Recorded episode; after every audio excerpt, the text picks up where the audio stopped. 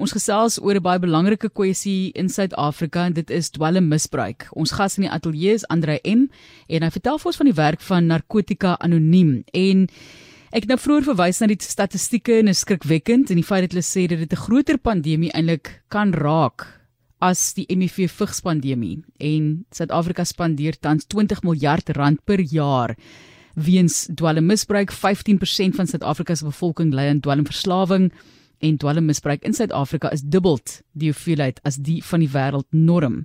Daai maak my nou nogal bietjie ongemaklik want ek sou gedink het in nik is baie jammer is nie as mens vingerwys maar in streke soos Amerika en Europa en so sal dit baie hoër wees maar ons gas gaan 'n bietjie meer vir ons daarvan vertel en kyk wat hulle kan doen om mense ook te help. Dit is 'n nuwe insgewende genootskap of vereniging soos wat mense na verwys vir mense wat ly aan hierdie probleem en hierdie siekte eintlik baie welkom aan jou aandry.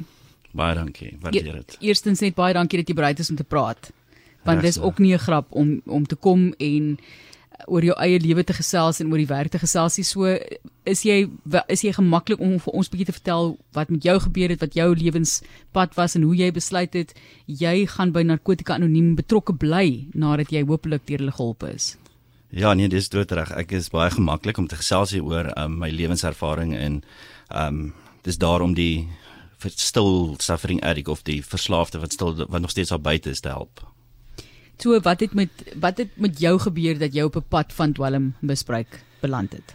So basies vir my was dit ehm um, ek het baie laat begin. So ek het groot geword in die Vrystaat byvoorbeeld waar ehm um, ek's glad nie blootgestel daarin nie. Ehm um, ek het en toe ek Kaap toe kom was weer eens ek was nie blootgestel daaraan nie tot op 'n dag waar ek deur 'n verskriklike lewenservaring gegaan het. Baie traumatiese lewenservaring en ek moes 'n besluit neem daar van ek het probeer hulp soek oral vir sielkundige hulp ensovoorts maar dit was nooit vir my genoeg nie en dit is toe ek op dwelms afgekom het en dit was vir my onmiddellik wat ek op daai oomblik gedink het ek nodig het. Dit het my laat ontsnap van die werklikheid. Ehm um, en dit het my op hierdie ongelooflike ehm um, pad gevat van ehm um, dwelms wat ek op die ou en uiteindelik haweloos geëindig het.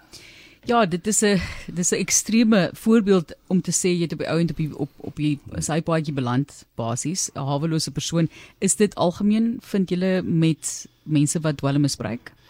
Ehm um, dit is kom ek sê dit is nie die mee, dit dit's algemeen dat mense dit is die uiteinde. Die ja. uiteinde is jy raak jy's haweloos en dan of jy gaan dood of jy beland in 'n inrigting. Maar ehm um, dit is moeilik om te sê dat dwelms is slegs vir die hawelose mense wat wat impak het. Dit het impak op almal. Daar is mense wat in 'n normale werk is, wat in 'n 'n dokter is. Daar's mense wat in prokureur is en daar's mense wat sukkel met verslawing. Dit is oral oor die spektrum. Dit is ja. nie net nie, maar die uiteinde vat jou altyd na dieselfde plek toe. Ons gesels oor dwelmmisbruik in Suid-Afrika en jy weet jy sê nou so Andre M dit raak eintlik almal en ek dink dit is die fout wat mense maak. Dieselfde met HIV, mense dink dit is 'n sekere groepering in die land wat geraak word. Dis nie die waarheid nie, dit is wyd versprei. Daar word net nie so baie oor gepraat in in sekere groeperinge in Suid-Afrika nie, maar ek dink byvoorbeeld aan mense in hoëgeplaaste posisies, mense met baie druk, mense wat byvoorbeeld in kreatiewe rigtings is wat kreatief moet dink en lang ure moet werk. So jy sien dit op elke liewe vlak. Yes, dit is dit, dit is ongelukkig is dit so. Dit dwelms diskrimineer teen niemand nie. Ja. Dit is dit dit dis met ons almal. Kom ons gesels net gou vinnig oor die werk wat julle doen en dan kan ons kyk of ons dit kan aanspreek want soos jy sê enigiemand mag aansluit ongeag die ouderdom en lewensuitkyk. Julle diskrimineer teen niemand nie. Die agtergrond van narkotika anoniem. Ek dink baie mense ken alkohol alkohol anoniem. Alcoholics Anonymous, um, narkotika anoniem dalk nie so bekend nie. Ja, so basies narkotika anoniem is 'n uitvloeisel van dit dit is gebore uit die alkohol alkohol anoniem um, program. Um, maar ons fokus meer op die proses van verslawing. So ons sluit ook alkohol in. So ons sien alkohol ook as 'n dwelm dat ons kan nie ons ons moet weerstaan van enige vorm van enige dwelm, enig af van alkohol. Ons kan nie dit gebruik nie. Ehm um, en dit is waar die program begin het. Ehm um, dit is 'n dit in Amerika begin, maar ons in ag kan ek sê hier in Suid-Afrika is dit nou al groot gegaan. Ehm um, ek bedoel in die land het ons amper 500 vergaderings per week. 500. Yes, so Weskaap alleen het ons 70 per week. Ehm um, so ons is oral in elke provinsie. Ehm um, is daar vergaderings. Kom ons kyk net gevinnig na oorsake daarvan. Vir jou was dit nie iets waarmee jy groot geraak het nie. Jy is nie blootgestelde aan nie. Iewers skielik kom jy in 'n ander deel van die wêreld. Jy weet, 'n stad en ek dink enige stad word maar baie keer na verwys as Sodom en Gomorra en jy kom hier en jy word blootgestel daaraan. Ek, ek ek moet sê ek het vir 12 jaar in Kaapstad gebly, ek is nog nooit blootgestel aan daai vlak van of enige vorm van dwelms nie. Jy weet dit is dis my baie vreemd, maar dit hang seker net maar af waar jy ehm um, gaan kuier en waar jy tyd spandeer en sosialiseer. Jammer Andre, as ek dit nou so stel. Maar kom ons praat net gou vinnig oor waar mense toegang kry tot dwelms. Jy sal dink dit is moeilik, maar dis eintlik maar op elke straathoek ja. beskikbaar.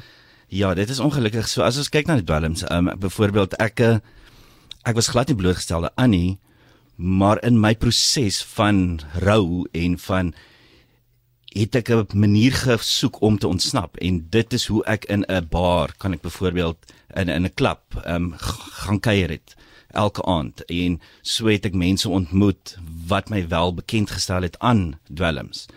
En nou kan mens dit kry. Ek bedoel dit is op ja, enige straathoeke kan jy dit kry. Ehm um, dis oral beskikbaar. Goed, hoe voorkom ons dit voordat ons kom by die stappe wat jy volg om mense te help? Om dit te voorkom. Want is die verslawingselement skies Ja. om nou om jou in die rede te val want dit is die ding. Dit is daai eerste keer se gebruik vir baie mense is hulle dadelik verslaaf. Dit hang ook af van die dwelm natuurlik in terme van die verslawingspatroon, maar net as jy kyk na sogenaamde tik of metamfetamien, ehm um, dit is 'n groot groot krisis. Daar's 'n daar's 'n dadelike verslawing wat plaasvind. So um, sonder om nou te gaan en te sukkel om die persoon van dit af te kry, hoe stop ons dat hulle eerstens begin?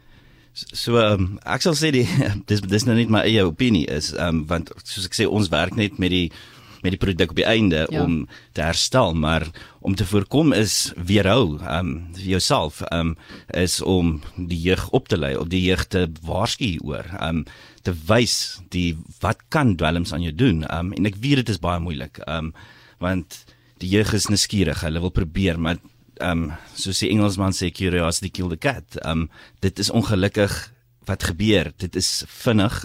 Dit die oomblik as jy dit gebruik is jy hooked. Um, want dit gee vir jou daai ontsnapping van die werklikheid wat jy na soek. Ja.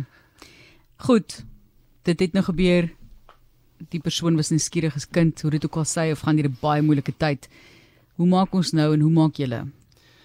So wat ons basies is ehm um, en ons dit is hoekom ons sê ons is 'n gemeenskap wat wat dit oop is vir almal. Ehm um, ons is verslaafdes deur verslaafdes. So ons het nie ehm um, sielkundige psigiaters, ons het geen professionele mense wat betaal word om enige van die ehm um, goed te doen nie. So ons ons basies werk met ons het die vergaderings. So jy kom na die vergadering toe, jy as jy nie weet waar die vergaderings is, jy kan byvoorbeeld op die webs uh, webtuise gaan en daarso kan jy uitvind waar is die naaste vergadering in jou huis. Jy kom by die vergadering en dan het ons ba 5 ag basiese beginsels wat ons volg. Dis is byvoorbeeld jy moet 'n borg hê, 'n sponsor. Dit is nou 'n persoon wat jou help. Jy moet die 12 stappe doen. Dis 'n boek waardeur jy werk.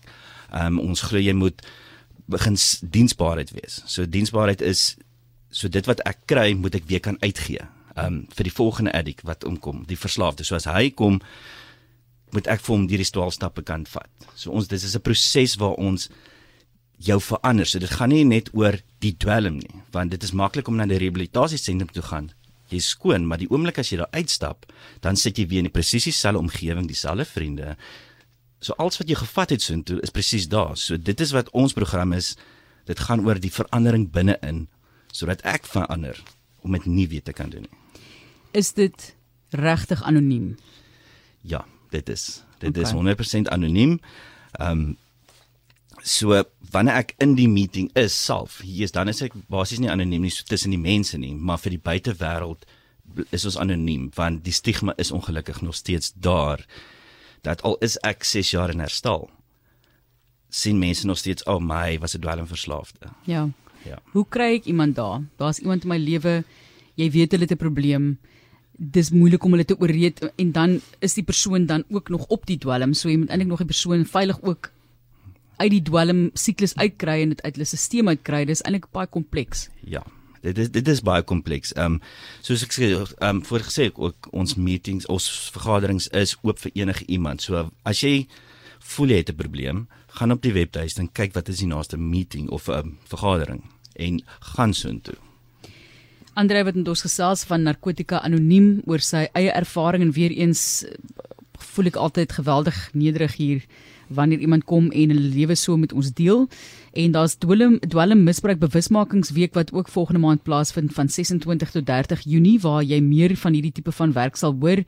Baie moeilike omstandighede vir mense in hulle eie lewens met mense wat dwelm misbruik. En mense dink baie aan ouers, ma's wat regtig regtig deur die vuur loop vir hulle kinders en ongelukkig laterand ook 'n baie moeilike besluit moet neem om vir hulle weg te stoot. Jy wat op die ou end haweloos geraak het, op die straat beland het, is tough love soos hulle sê die regte ding om te doen. Dit is ongelukkig. Ehm um, solank as wat ons die verslaafde enable om geld gee. Ehm um, iets gee sodat hy gemaklik is in daai posisie van dwelmverslawing, gaan dit aanhou. Die oomblik as als afgesny word en ek weet dit is moeilik. Ek dit is vir my ouers baie moeilik om vir my te sê nee. Ons gaan nie vir jou geld gee nie. Um, maar toe hulle dit begin doen het, toe ek besef, okay, daar's nou geen ander manier nie, geen ander manier nie. Ek het hulp nodig. Jy stuur op die dood af as ons dit nie doen nie. Dit is presies.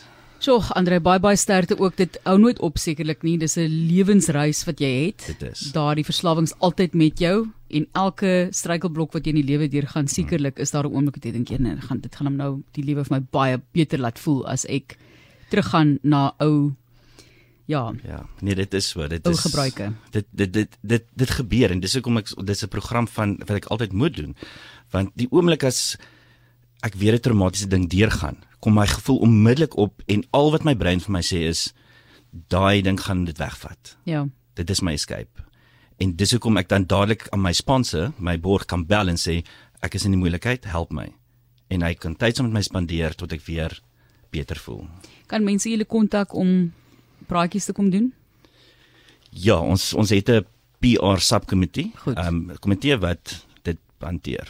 OK, ek het die kontakbesonderhede ja. waar jy vir hulle kan bel en ook hulle webblad. Is net na.org.za vir Narcotics Anonymous. Na.org.za hier is die 24 uur noodhulpnommer. Dis 0861 00 6962 0861 00 6962 Andre baie baie dankie. Dankie vir wat jy doen. Baie dankie